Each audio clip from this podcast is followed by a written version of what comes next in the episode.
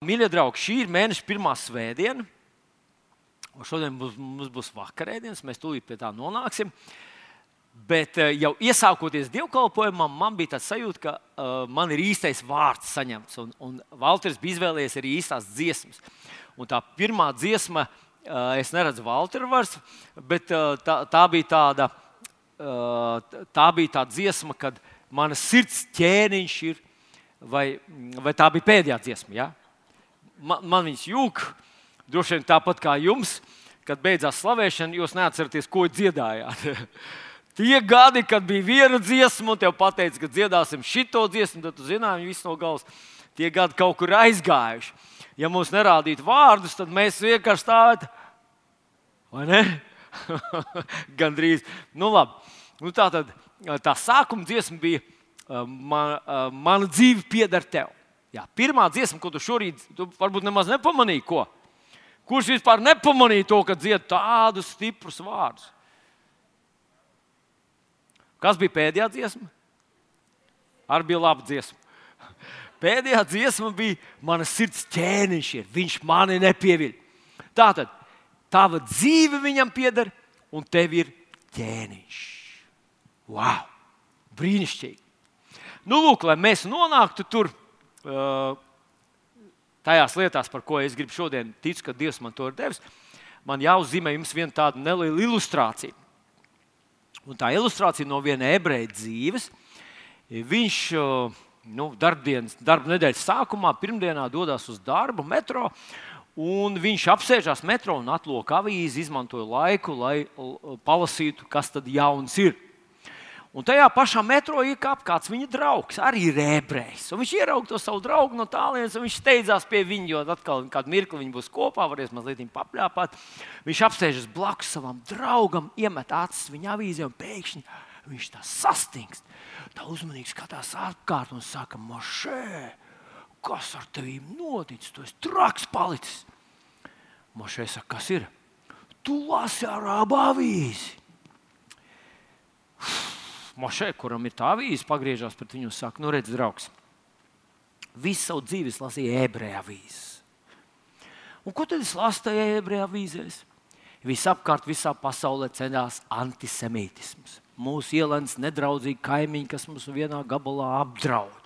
Ebreji tiek vajāti, diskriminēti jau no skolas gadiem līdz pat visam.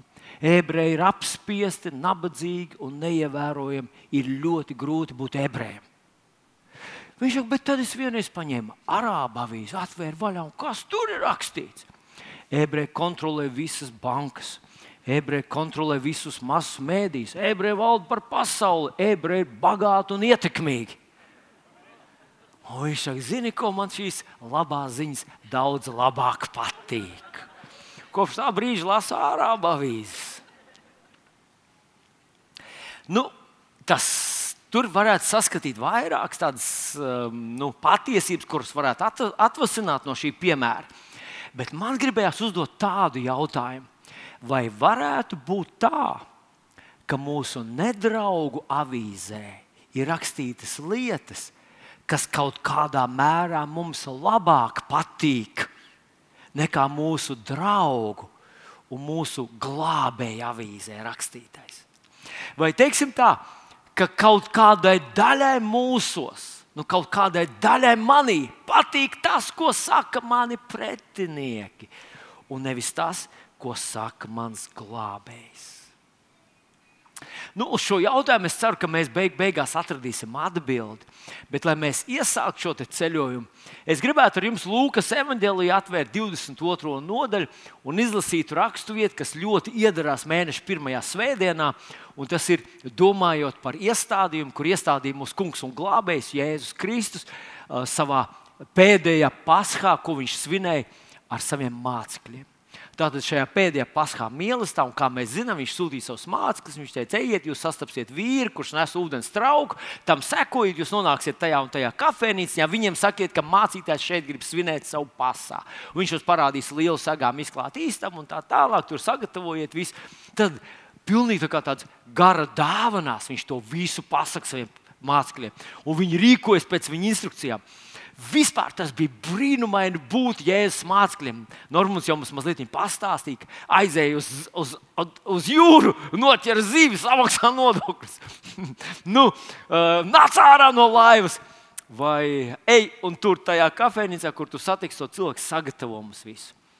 Tagad tajā vakarēdienas laikā viņš paņem maizi un biķeri, un tad viņš saka šos vārdus no Lūkas 22, no 19 līdz 20. Es izlasīšu. Un maizi ņēmis, viņš pateicās un pārlauza, un tiem to deva sacīdams. Tā ir mana miesa, kas par jums to dota. To dariet mani pieminētam. Ko tad dariet? Ņemiet maizi, pārlauziet to. Tā ir mana miesa, kas par jums to padota. 20. pāns. Tāpat biķeri pēc vakarēdienas sacīdams, šis biķers ir jaunā derība manā asinīs, kas par jums izlietas. Kopš Jēzus to iestādīja, kristieši vairāk kā 2000 gadus Jēzus mācekļi šo te lieto. Un dažreiz to dara tādā ļoti svinīgā, tādā, ziniet, tādā, tādā svētsvinīgā atmosfērā. Tur kaut kāds īpašs mūzika pie, tiek spēlēta un īpaši apģērbs, cilvēku apģērbi un, tur, un tā tālāk. Un dažreiz to dara mājas kārtībā. Bet cilvēki vienmēr ir nākuši un baudījuši šo miesu, maizi, kas simbolizē Jēzus miesu, un dzēruši no šā biķera, kas simbolizē jaunā, jauno derību, jaunos šos noteikumus, kurā mēs ar tevi esam iegājuši. Un, nu, ja mēs gribētu tādā vienkāršotā valodā, ko tad, ko tad šie simboli, ko viņi mums saka? Ko viņi apliecina? Kas ir tas, ko Jēzus mums cenšas pateikt? Un mēs varētu teikt, ka divas lietas, pamatā tās ir divas lietas, ko šis Jēzus iestādījums mums saka. Un tas pirmais ir Jēzus vietnieciskā nāve. Tātad Jēzus kaut ko izdarīja mūsu vietā. Viņš tika satriekts, viņš tika nomocīts, viņš tika nolādēts, viņš tika padarīts par uh, grēku upuri. Lai mēs ar tevi tiktu svētīti, mēs tiktu pasargāti, mēs tiktu mīlēti. Un kristieši visā pasaulē, kurā arī konfesijā tu neatrastos, visi zina, ka Dievs ir mīlestība. Tā pirms Jēzus šī atklāsme bija ļoti reta sastopama. To mēs vienīgi mēs lasām Dāvida psalmos, mēs lasām Iesajā, bet visur citur, kā lielos vilcienos, mēs redzam Dievu, kurš ir bargs, kurš soda, kurš paģēra, kurš piedraud. Un tā atklāsme, ka Dievs ir mīlestība īstenībā, un ka Viņš ļoti gribēja mūs svētīt, viņa ir diezgan, diezgan jauna, un viņa ir jaunās derības īpašā atklāsme, kur Jēzus mums atnes. Tātad Jēzus vietnieciskā nāve ir pirmais, ko šis Jēzus iestādījums gribēja mums pateikt. Bet tad ir otra, un tā otra doma ir ļoti svarīga, un tā ir, ka mēs esam daļa no Kristus, vai Kristus ir daļa no mums. Tātad Viņš ieņēma mūsu vietu, mums atdeva savu vietu. Un apelsīns Pāvils to izteica ļoti precīzi un ļoti stipri Galatiešiem 2.20, kur viņš sacīja tā. Līdz ar Kristu esmu krustā sists, bet nu nedzīvoju vairs es, bet manī dzīvo Kristus. Ieklausieties, mīļie draugi! Līdz ar Kristu esmu krustā sists, um, līdz ar Kristu esmu krustā, bet nu nedzīvoju vairs es, bet manī dzīvo Kristus. Nedzīvoju vairs es nedzīvoju vairs es, bet manī dzīvo Kristus. Vai, vai, vai, vai tiešām mēs to domājam, kad mēs sakam šos vārdus? Līdz ar Kristu esmu krustā sēsts. Wow! Tagad, tagad nevis es dzīvoju, bet Kristus dzīvo manī. Vai, vai tiešām tas tā ir? Ziniet, apustulis Pāvils šo pašu domu vakarēdienas sakarā, viņš to saka pirmā vēstulītē korintiešiem 11. nodaļā, kur viņš saka, ka viņš no tā kunga to saņēma, ko arī jums mācīja. Un tad viņš nonāk līdz tam, ka, kas necienīgi bauda šo maizi un dzer no šī biķera, tas būs noziedzies pret tā kunga miesu un asinīm. Un tad viņš saka, tāpēc jau jūsu vidū ir daudz slima un daudz ir miruši, tāpēc, ka izturas necienīgi pret Kristus šo svēto iestādījumu. Un ko viņš tur grib pateikt?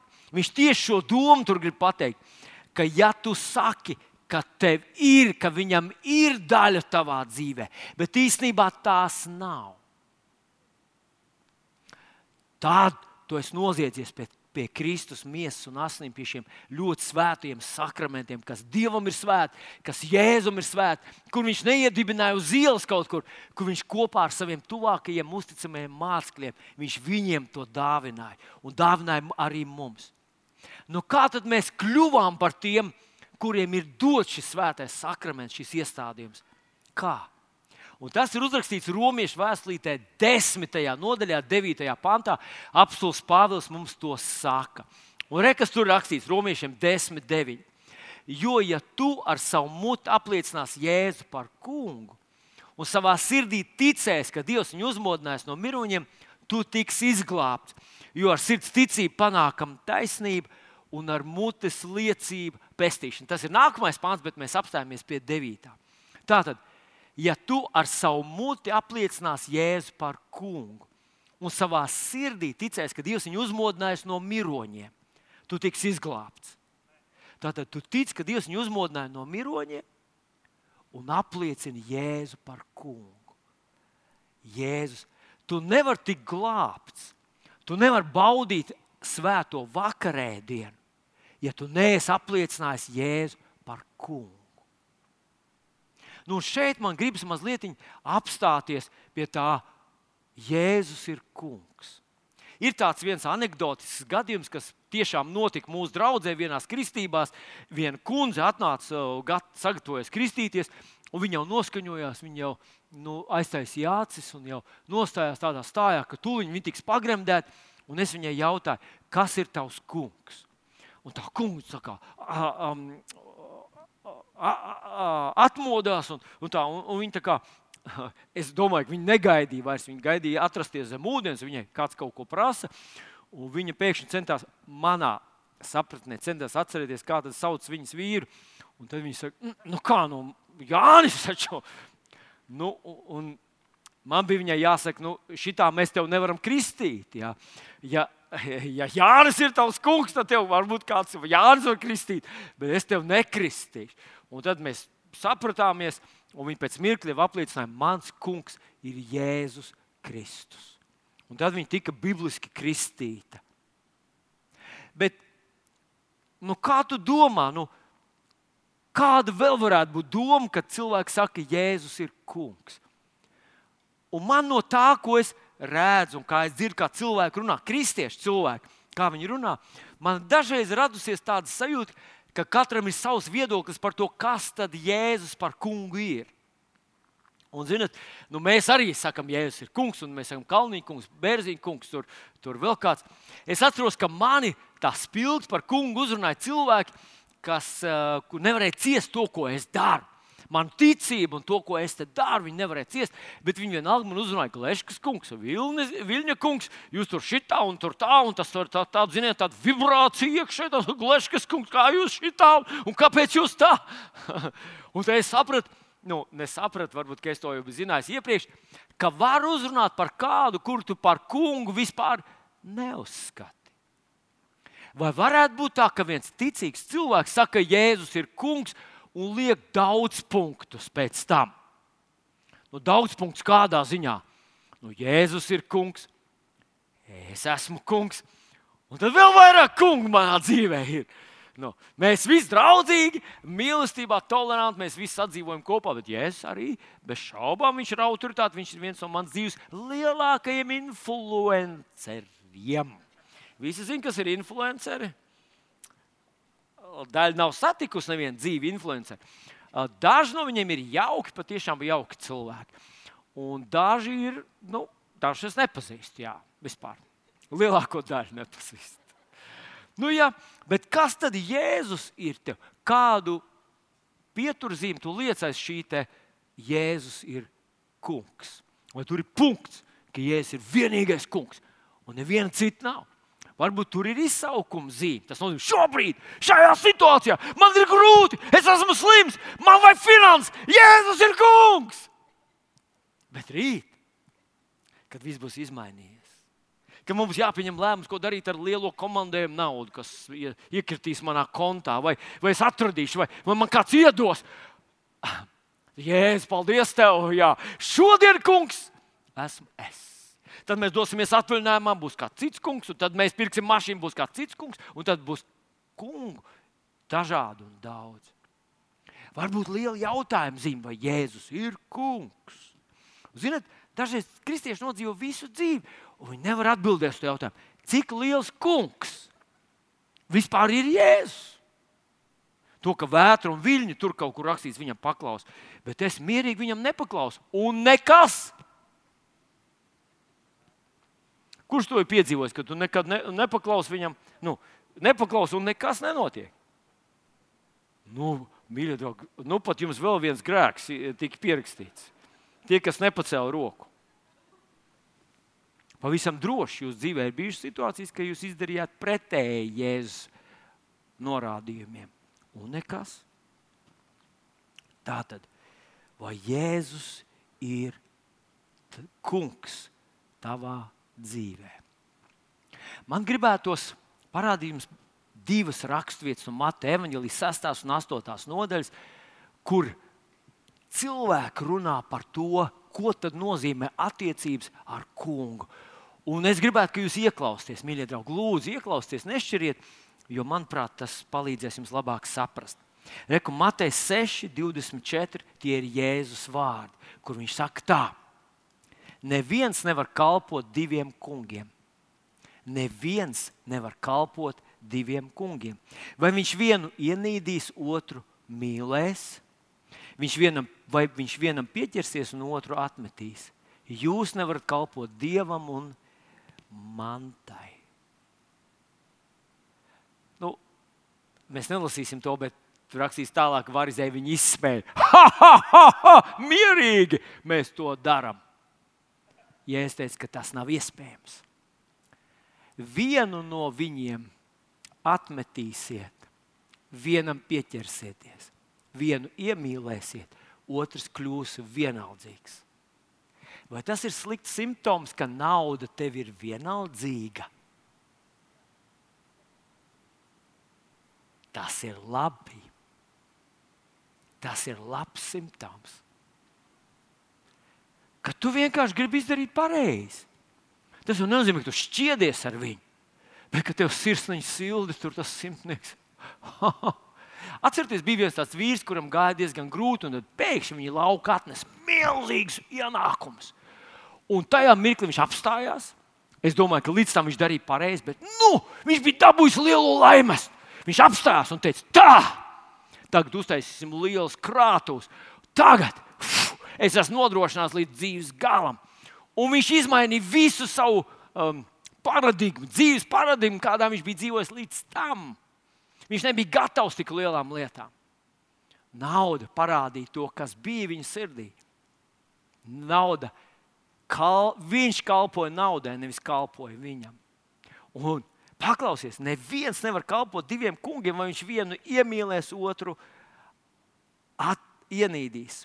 Vienam pieķersies, otru atmetīs ja Jēzus ir patiesa tavs kungs, kuram tu kalpo, tā ir milzīga garantija, ka visi citi elki, un mums tikko ir bijuši divi dievkalpojumi, tad mēs dzirdējam vārdu par elkiem, par labām lietām, kas vēlas un kas tā, ziniet, tā, tādā, nu, tādā, nezinu, tādā lienošā okupācijā, lien, lai visu laiku nonāktu uz piedestāla. Labas lietas, un viņas tur neatradīsies. Ja Jēzus ir tavs kungs, tu viņam pieķersies, viņu iemīlīs, iemīlēs, un visas citas lietas kļūs mazāk svarīgas. Cik tā ir droša dzīves pozīcija. Tas bija Mateja 6. nodaļā. Bet paklausies, vienu no Jēzus visvairāk apbrīnotajiem cilvēkiem. Ievērot, ka Jēzus apbrīnoja vienu romiešu karavīru romiešu virsnieku, kur viņš teica, ka visā Izraēlē tādu ticību neesmu atradzis. Un tā romiešu virsnieka vārdi skan tā, paklausieties, romiešiem 8, 9. Arī es esmu cilvēks, kas stāv zem valdības. Es neesmu karalis, es atrodos zem varas. Un man ir padot karavīri. Kad es vienam no tiem saku, ej, tad viņš iet, otram nāc šurp, tad tas nāk. Un savam kalpam dari to, tad tas dara. Ziniet, tie, kas visu dzīvi esat bijuši civilisti un nekad neesat bijuši tādā militārā struktūrā, iespējams, jums grūti to saprast. Jo jūsu niknākais un bargākais priekšnieks varbūt ir bijis tēvs, vai māmiņa, vai vecmāmiņa, vai nu, es nezinu, vēl kaut ko, varbūt skolotāji, matemātikas skolotāji skolā bet tie, kas ir bijuši militārās struktūrās. Jūs zināt, kā tas ir. Kad vienkārši te var stādīt priekšā vienu cilvēku un saka, šis ir jūsu jaunais komandieris. Un tas komandieris var tev dali, darīt. Likt darīt da jebko, arī bezjēdzīgs, arī netaisnas lietas. Vienkārši likt tev darīt tikai tāpēc, ka viņam ir augstāka pakāpe, viņam ir vara tevi komandēt. Un tas ir tas, ko saka šis romiešu virsnieks. Par cik es esmu zem varas, līdz ar to es esmu ieguvis autoritāti un varu par tiem, kas ir zem manis. Viņš redzēja tādu autoritāti Jēzu, kurš atrodas zem varas, un tāpēc viņam ir vara. Savu dienas otro daļu es pavadīju Metpunktā, Budapeštā, Ungārijā. Un es biju viens no, mēs bijām divi felšeri vien, vienam viena diennakts, otram nākošā. Un mums bija tāds neliels auguma majors, kurš bija mūsu, mūsu medpunkta ārsts. Viņš bija ārsts, jā, un viņš bija arī medpunkta vadītājs. Un viņš bija iedibinājis tādu sistēmu, kad viņš ienāca medpunktā no rīta. Viņš dzīvoja nu, ar savu ģimeni. Tad, tai, eh, kā ar pilsētiņā, kad viņš ienāca medpunktā, dežurējušam felšerim vajadzēja mieru tā izsoļot viņam pretī, roku pie cepures un noziņot viņam, kas noticis viņam prombūtnes laikā, cik ir slimnieku un, un dežurējošais felšeris tāds un tāds. Tāda īsta militāra struktūra. Viņ, viņš bija dakteris, bet viņam patika tās militārās lietas. Un tā tas darbojās. Tā tas darbojās līdz vienai dienai viņu pārcēla uz citu karaspēka daļu. Tātad vakar viņš vēl bija mūsu komandieris, bet šodien viņš atnāca uz metpunktu atvadīties no ceļiem. Nu, viņš vairs nav mūsu komandieris. Un, zinot, te es ļoti spilgti izpratni. Neviens vairs nenostājās miera stājā, neviens neko viņam vairs neziņoja. Viņa vara pār mums bija beigusies. Viņš bija tas pats puisis, viņam pat bija pielikt vēl viens zvaigznīte, un viņš bija apakšpulkvedis. Bet viņš vairs nebija mūsu apakšpulkvedis. Un es ļoti konkrēti saprotu, ko tas nozīmē, ka tu esi zem varas, ka tu iegūsti autoritāti. Un tas ir tas, ko Bībelē mums māca. Kas ir mūsu privilēģija, kas ir dāvana, kas ir tas, ko mums vajadzētu sargāt un uzturēt, ir tas, ka tu atrodies zem varas, ka Jēzus ir reāls kungs tev. Tas tevi pasargā no visiem citiem kungiem, un tas piešķir tev autoritāti un pilnvaru. Mācekļi to ļoti labi zināja. Ka Jēzus vārds Lūkas 10, 19. Redziet, es esmu jums devis spēku, varat staigāt pāri čūskām, skorpionam, pāri katram ienaidniekam spēkam. Tev šo autoritāti deva kāds, kurš ir virs tevis. Un tāpēc tu pagriezies, un tev šīs pilnvaras un šī autoritāte ir. Ja Jēzus ir tavs kungs. Un zinot, ko man gribētos atgādināt jums ļoti spilgtus divus piemērus, un tie ir tādi ļoti spilgti cilvēki, apstults Pāvils un apstults Pēters un brālis Vilnis. Vilnis ļoti grib sekot, es jums pakluso pačukstēšu, ļoti grib sekot Pāvilam un Pēterim. Un viņš cenšas no visas sirds, lai arī viņam būtu tādas pašas attiecības ar kungu Jēzu, kāds bija Pāvilam un Pēterim. Jo Pāvils un Pēters bija Jēzus mācekļi, un Vilnis grib būt Jēzus māceklis. Un šodien es gribu teikt, ka, ja tu esi Jēzus māceklis, tu arī gribēsi, lai tev ir tādas pašas attiecības.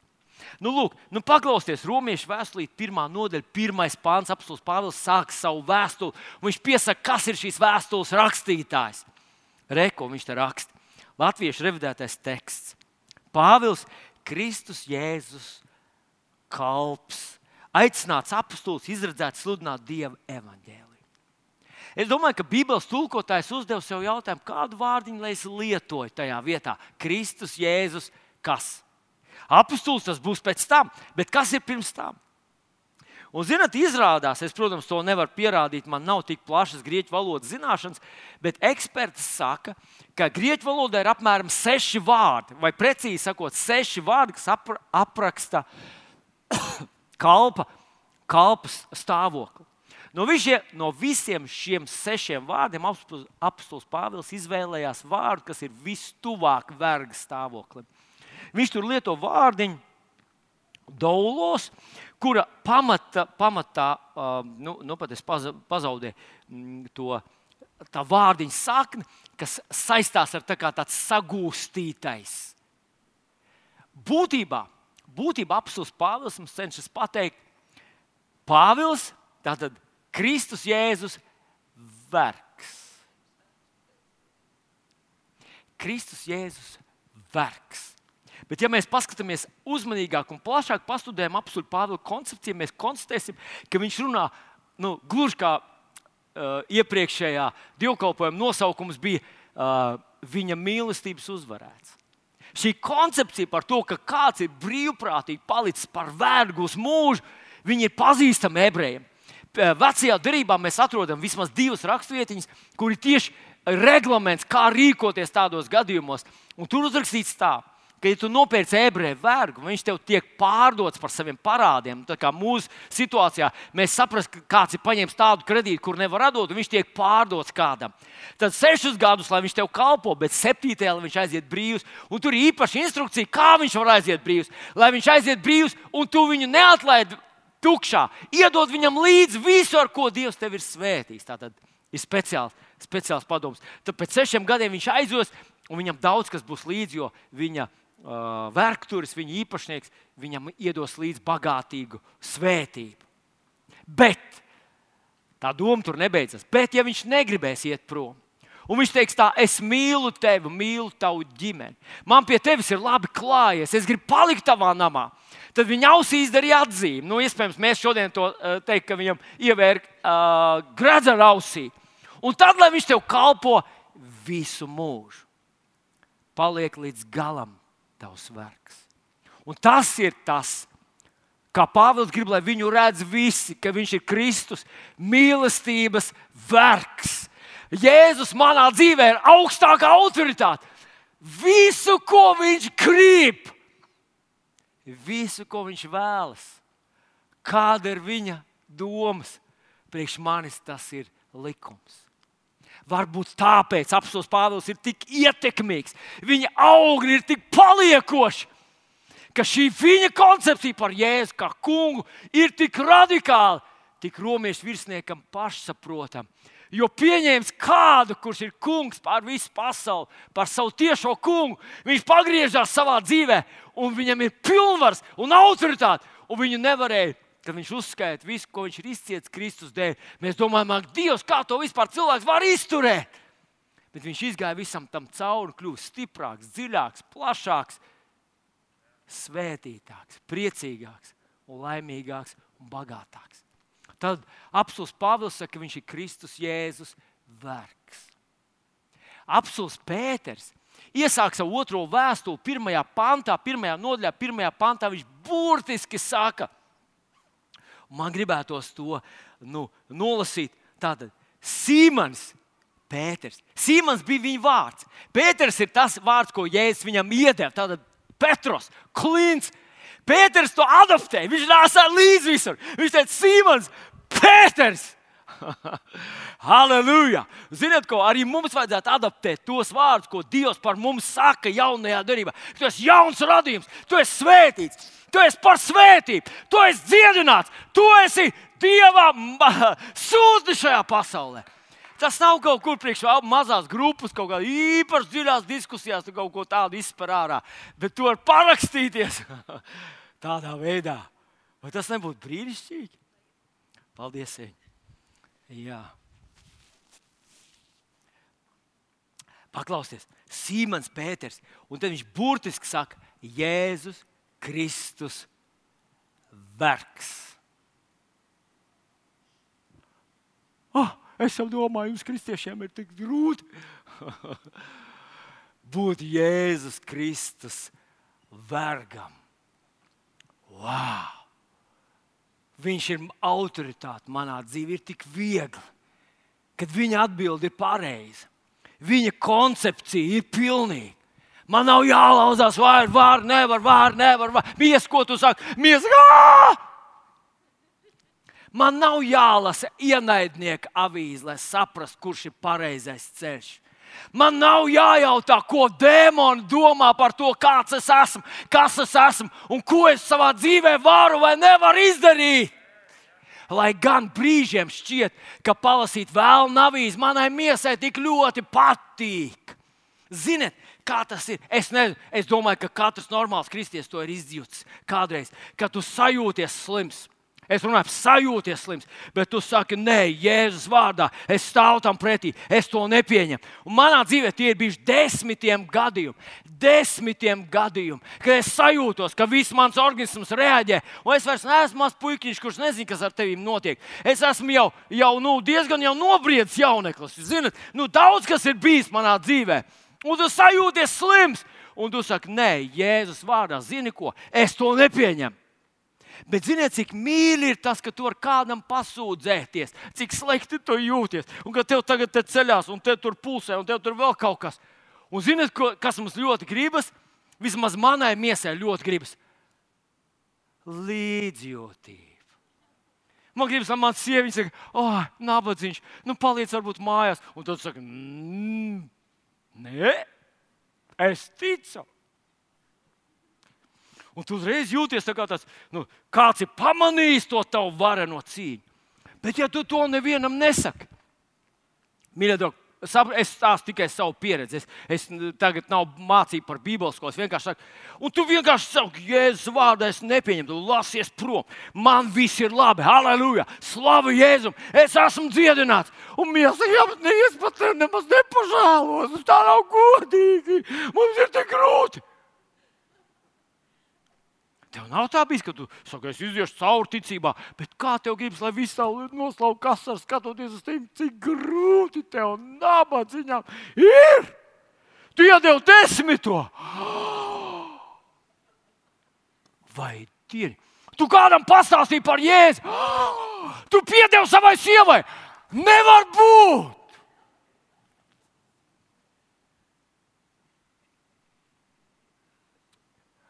Wow! Jums grūti kristiešiem zināt, cik tas ir viegli. Cik tas ir viegli, ka tu saproti, ka Jēzus vārdi ir jā un amen. Tas ir tas, kā ir pareizi jārīkojas. Visgudrāk, visperspektīvāk, visstiprāk, visietekmīgāk, vispaliekošāk. Viņš ir mans kungs, numur viens. Mīļie draugi, šodien Nu, mēs varētu skatīties diezgan plaši, bet šodien man gribas paskatīties uz vienu ļoti konkrētu lietu. Un tā ir Mateja Evanģelijā, 28. nodaļā, uh, pāns, 18. pāns, kur uzrakstīti Jēzus vārdi, kurus kristieši nosaukuši par lielo pavēli.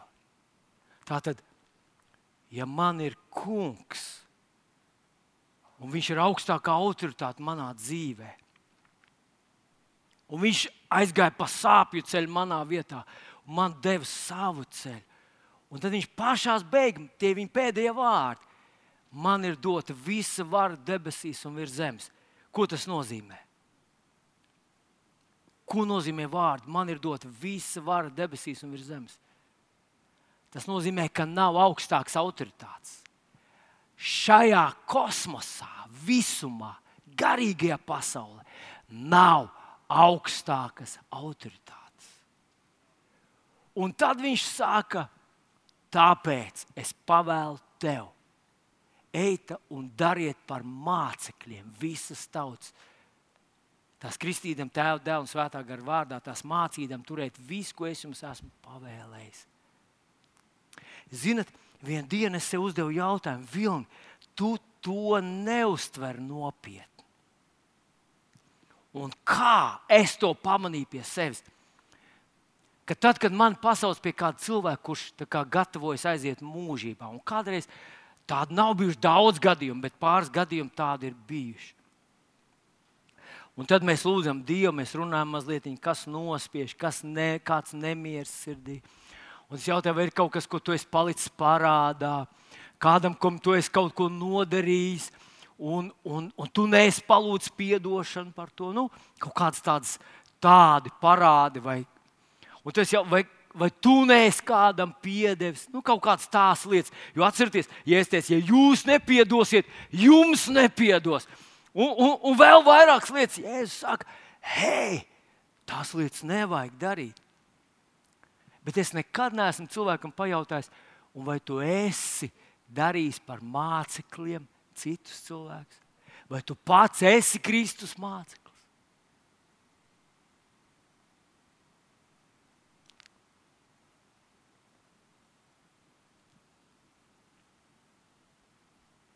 Jūs zināt, es ticu, ka tajā ir milzīga starpība. Vai cilvēks ir vienkārši tāds svētdienas kristietis? Pasēdēja, paklausījās, bija forši. Un viņš aizgāja, un viņš nodzīvoja visu nedēļu tieši tāpat kā līdz tam. Un tad atkal atnāca. Atkal pasēdēja, paklausījās, bija forši. Un, un tā, un tā. Vai cilvēks var tā dzīvot gadiem? Vai cilvēks var tā dzīvot gadiem, dziedot dziesmu? Tev pieder mana dzīve, mana sirds ķēniņš ir. Un tad aiziet un dzīvo dzīvi, ka viņš nemaz nav nekāds ķēniņš. Ar viņu vispār nekonsultējas. Viņš ir mēslu savācējs. Viņš ir tas, kad es sagrēkošu. Es negribu palikt prasts, bet man gandrīz tā kā ārā tādas, tādas nu, raupi vārdi. Kad cilvēki, kristieši tā vietā, lai saņemtu no dieva ticībā, labāk nozaks. Un pēc tam palūgs atdošanu, jo tas taču ir Jēzus pienākums - piedot. Vai tā var būt?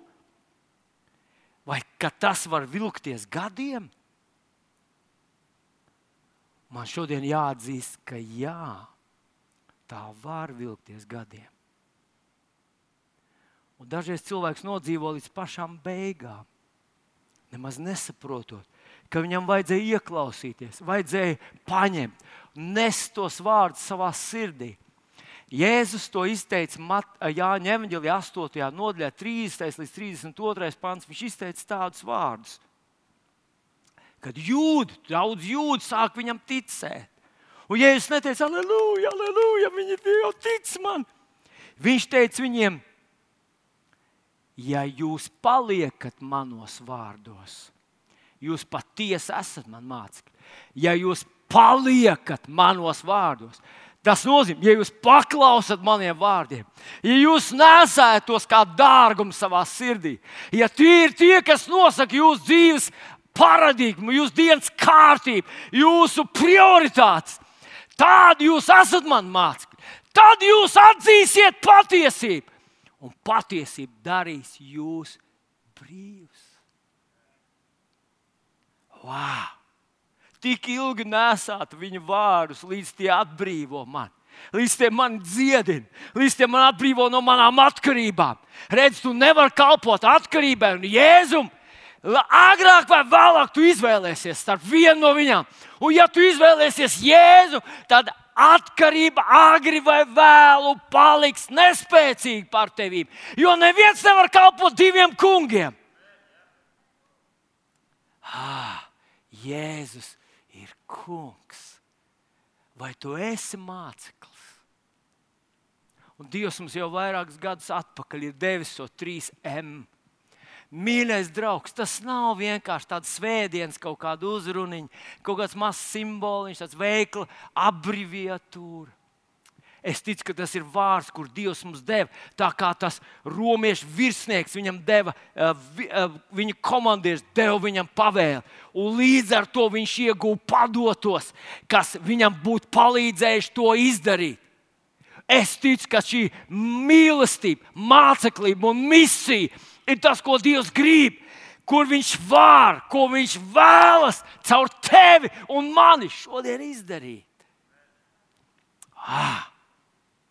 Un vai tu esi palīdzējis citiem kļūt par mācekļiem? Ak, Dievs! Dažreiz es redzu, ka kristieši audzina savus bērnus vienkārši, lai viņi ir, lai viņi te ir, lai viņi nāk līdzi. Viņi nepalīdz viņiem palikt. Viņi nepalīdz viņiem saprast, ko kungs vēlas, kā tas darbojas, ko Dievs ir iecerējis, kā viņš uzrunā, kā viņš māca, kā no viņa saņemt, kā virzīties savā dzīvē pareizi, kā izvairīties no vēlna tīkliem. Un zinat, cik ļoti apgrēkojas vecāki, kur vienkārši vadā savus bērnus šurp un ved mājā, šurp un mājā. Un tas arī viss. Tev jāpalīdz, lai tavs dēls un tava meitiņa kļūst par mācekli Un viņi kļūs par mācekļiem. Viņi redzēs, ka tu esi māceklis. Viņi redzēs, ka tu respektē, ka tas tavā sirdī un tavā mutē darbojas, ka tu ievēro, ka tu respektē, ka Jēzus ir tiešām, tu neesi brīvais radikāls, bet tu esi kalps kungam Jēzum Kristum. Un ka tu citiem palīdzi kļūt par mācekļiem. Ziniet, tam ir daudz dažādas formas. Bet tā viena svarīgā ir, ka, ja Dievs pieved tev kādu, viņš vēlas pievest, ka tu to cilvēku nepalaidi pēc tam, kad viņš ir kaut ko izdarījis. Tu palīdzi pārliecinies par to, ka viņš sāk saprast kaut ko, ka viņš to sāk pielietot, ka viņš sāk saprast Dievu, saprast viņa mīlestību, saprast, ko vēlams grib, ko Dievs grib, kā sadzirdēt no Dieva, kā paņemt to, kā saņemt to, ko viņš izprast viņa mīlestību, iemīlēt Dievu un to mīlestību realizēt tālāk. Wow! Tas ir māceklis, kurš mīl savu kungu un kurš to mīlestību palīdz citam kļūt par mācekļiem. Atnesiet, lūdzu, man to tāfelīti. Mīļie brāļi māsas, šodien mēs baudīsim vakarēdienu. Un tas vakarēdiens ir Jēzus atstāts iestādījums, kurš mums saka, ka viņš nomira tavā vietā un manā vietā lai Viņš varētu dzīvot caur mums. Lai šodien, šodien, cik arī atlicis mums ir, cik tev ir atlicis, cik atlicis man, mēs nezinām. Bet lai mēs būtu Kristus mācekļi un mēs palīdzētu citiem kļūt par mācekļiem. Palīdzēt viņiem atrast savu mājas grupu, palīdzēt viņiem iesakņoties draudzē. Redziet, Dažreiz to nevar izdarīt viens. Un, un lielai draudzē tā ir privileģija, ka viens, otrs, trešais, un tomēr ir kāds, kurš tā patur redzes laukā to cilvēciņu, kur varbūt Dievs tev dod, tu esi viņu atvedis, varbūt saticis, varbūt, varbūt Dievs ieliek tavā sirdī, ka tu lūdz kādu atgādini, aizlūgt par viņu. Zinat, ko lūgšana, Jēkabs saka, daudz spēj taisnīt cilvēku lūgšanu, darbodamās savā spēkā. Un kad mēs šodien baudīsim vakarēdienu, tā ir reize, kad mēs atkal teiksim, es zinu, tu to izdarīji priekš manis. Bet es arī apliecinu, ka tu esi mans kungs kungs un punkts, un nav citu kungu. Visi pārējie manā dzīvē kalpo tev. Tu esi vienīgais. Bet, ziniet, man gribētos, kad, kad laiciņā atpakaļ es esmu no līgas dzirdējis šos ciprus, un nesen es dzirdēju vienu mācītāju, kurš šos cipariņus rādīja. Tā ir tā kā tāda tā teorētiska aprēķina, kur ir šokējoši, kur ir patiešām šokējoši. Ja tas tā darbotos, Un, kā es vēlreiz saku, dzīvē tas nu, ne, nedarbojas precīzi tā, tā kā pēc schēmas. Jo kādam vajag divus gadus, lai viņš iepazītu Kristu, kādam vajag trīs gadus, lai viņš dzirdētu, dzirdētu, dzirdētu, un viņš izņemt, pieņemt savu lēmumu. Bet katram vajag palīdzību kaut kur. Bet paskatieties uz šiem cipariem, es gribu, lai jūs paskatāties, jo man pašu viņu ļoti uzrunāja. Un es mēģināšu, mēģināšu neap, neapjukt. Šeit pirmajā, pirmajā es esmu uzrakstījis cipariņu 25. Es ceru, ka jūs redzat, es nezinu, kā ar jums, kas tur druskuļi tālāk. Nu, mēģiniet, 25. Iedomāsimies, ka mūsu draudzē ir ļoti efektīva evanģelizācijas grupa, kas, nedēļas, kas mēneša laikā, piedodiet, nu, pat es atkal, jā, nedēļas laikā var pievest kungam Jēzum 25 cilvēkus vienā nedēļā. Tas būtu vienkārši wow! Tas būtu brīnums un brīnišķīgi. Cilvēki izglābās no nāves, no ēlas 25 šajā nedēļā. Mēneša laikā, četrās nedēļās, būtu glābti simts cilvēki. Tas būtu vienkārši Latvijā. Varētu nu, visi masu mēdī būt klāt, visi filmēt, jautāt, kā jūs to darat, nododiet mums savus pieredzi, visas universitātes mācītos, visa valdība būtu sajūsma aplaudēt. Jo latvieši vairs neiet uz zeli, iet uz debesīm. Mēneša laikā simts cilvēku. Gadā, par cik gadā ir 12 mēneši, būtu 1200. Tas ir daudz? Vai tas ir daudz? Tūkstoši, paldies! Paldies tev! Ku, kuram bija tā skaidrīgā skolotājas balss? Ah, ļoti jauki, paldies tev! Tātad gada laikā tie būtu 1200 cilvēki. Bet iedomāsimies, kas, kas ir grūti iedomāties, ka šāda atmodu ilgst desmit gadus.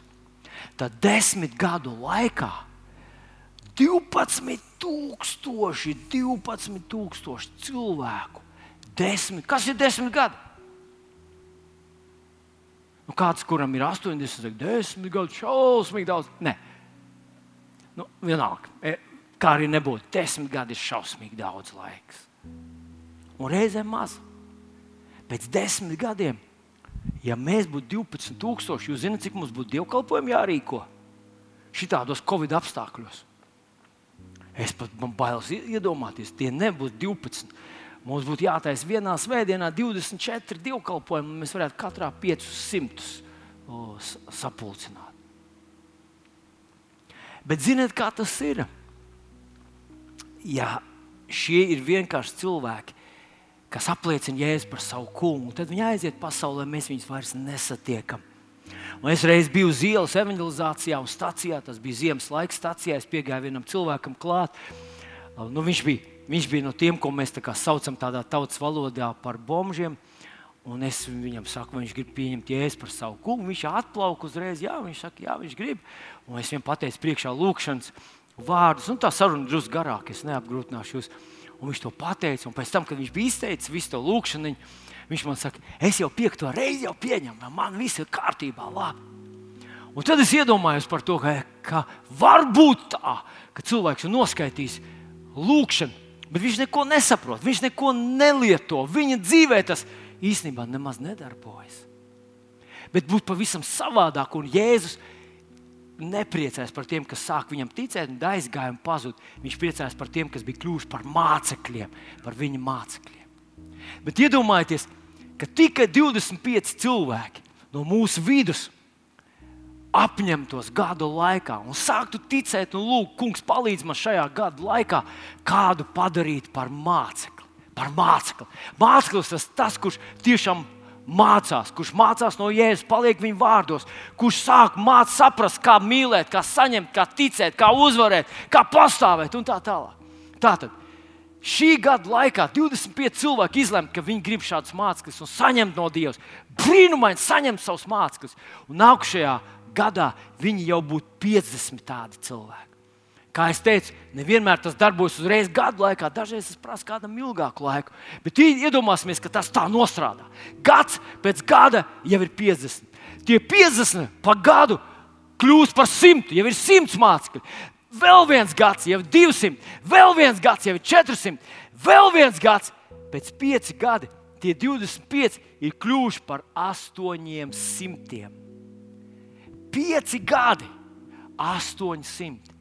Bet tagad padomāsim, ka šie paši cilvēki, kuri jau ir glābti, kur piedzīvojuši mīlestību, mieru, spēku, kurš zina, kā lietot dievu varnos ieroči, turpina šo savu kalpošanu. Un 6. gadā 1000. 600, 7. gadā 3200. Es jūs neapgrūtināšu. Jūs varat paši mierīgi mājās pareiķināt. Pēc desmit gadiem tie 25 cilvēki pēc desmit gadiem ir kļuvuši par 25,600.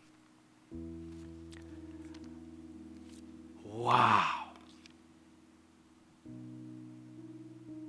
Wow! Ja katrs no mums paliktu tajā, uztvert to vēl nopietnāk, vēl nopietnāk šo mācekļošanu vai māceklību. Ja mēs uztveram to, ka tas ir tas īstais svaidījums, priekš kā mēs esam šajā pasaulē, palīdzēt kādam cilvēkam, ne tikai pateikt, Jēzus ir kungs, bet palīdzēt viņam, palīdzēt viņam pabeigt pamatmācības, nonākt līdz Bībeles skolai, atrast savu, savu mazo grupu, palīdzēt saprast kaut ko, atbildēt uz viņu jautājumiem, vai vismaz atrast kādu, kas viņam var palīdzēt, atbildēt. Wow! Ziniet, man ir tāds vairāk aprēķini, viņi man šokēja. Es vienu vakaru rēķināju, un man matu cēlās stāvus. Un es izrēķināju, ka 20 gados, ja tas sākās ar vienu cilvēku, 20 gados sasniedz pārsniedz vienu miljonu. Tas nozīmē, ja Rīgā atnāk viens cilvēks, kurš katru gadu piepildīja vienu mācekli, un tas māceklis nākamajā gadā vēl vienu mācekli, tad 20 gados Rīgas pilsēta ir glābta. Kā tu domā, vai vēl mums ir 20 gadi līdz Kristus atnākšanai? pajautāt Dāvidam, viņš teiks, ka ir. Viņa Stefānijai jāizaug lielai. Man arī es nevaru, protams, pateikt, vai ir 20 vai nav 20. Es vienkārši saku, ka šī Jēzus metode palīdzēt cilvēkiem kļūt par mācekļiem, darbotos, ja mēs to uztvertu vēl nopietnāk. Un šajā rītā, pēc mirkļa, mēs baudīsim vakarēdienu es ļoti gribētu, lai tu no jauna paskaties uz savu dzīvi, kā dzīvi, kur tu esi devis Jēzum, ka Viņš ir tavs kungs. Viņš ir reāls tavas dzīves kungs. Un cik daudz no tā tu iegūsti?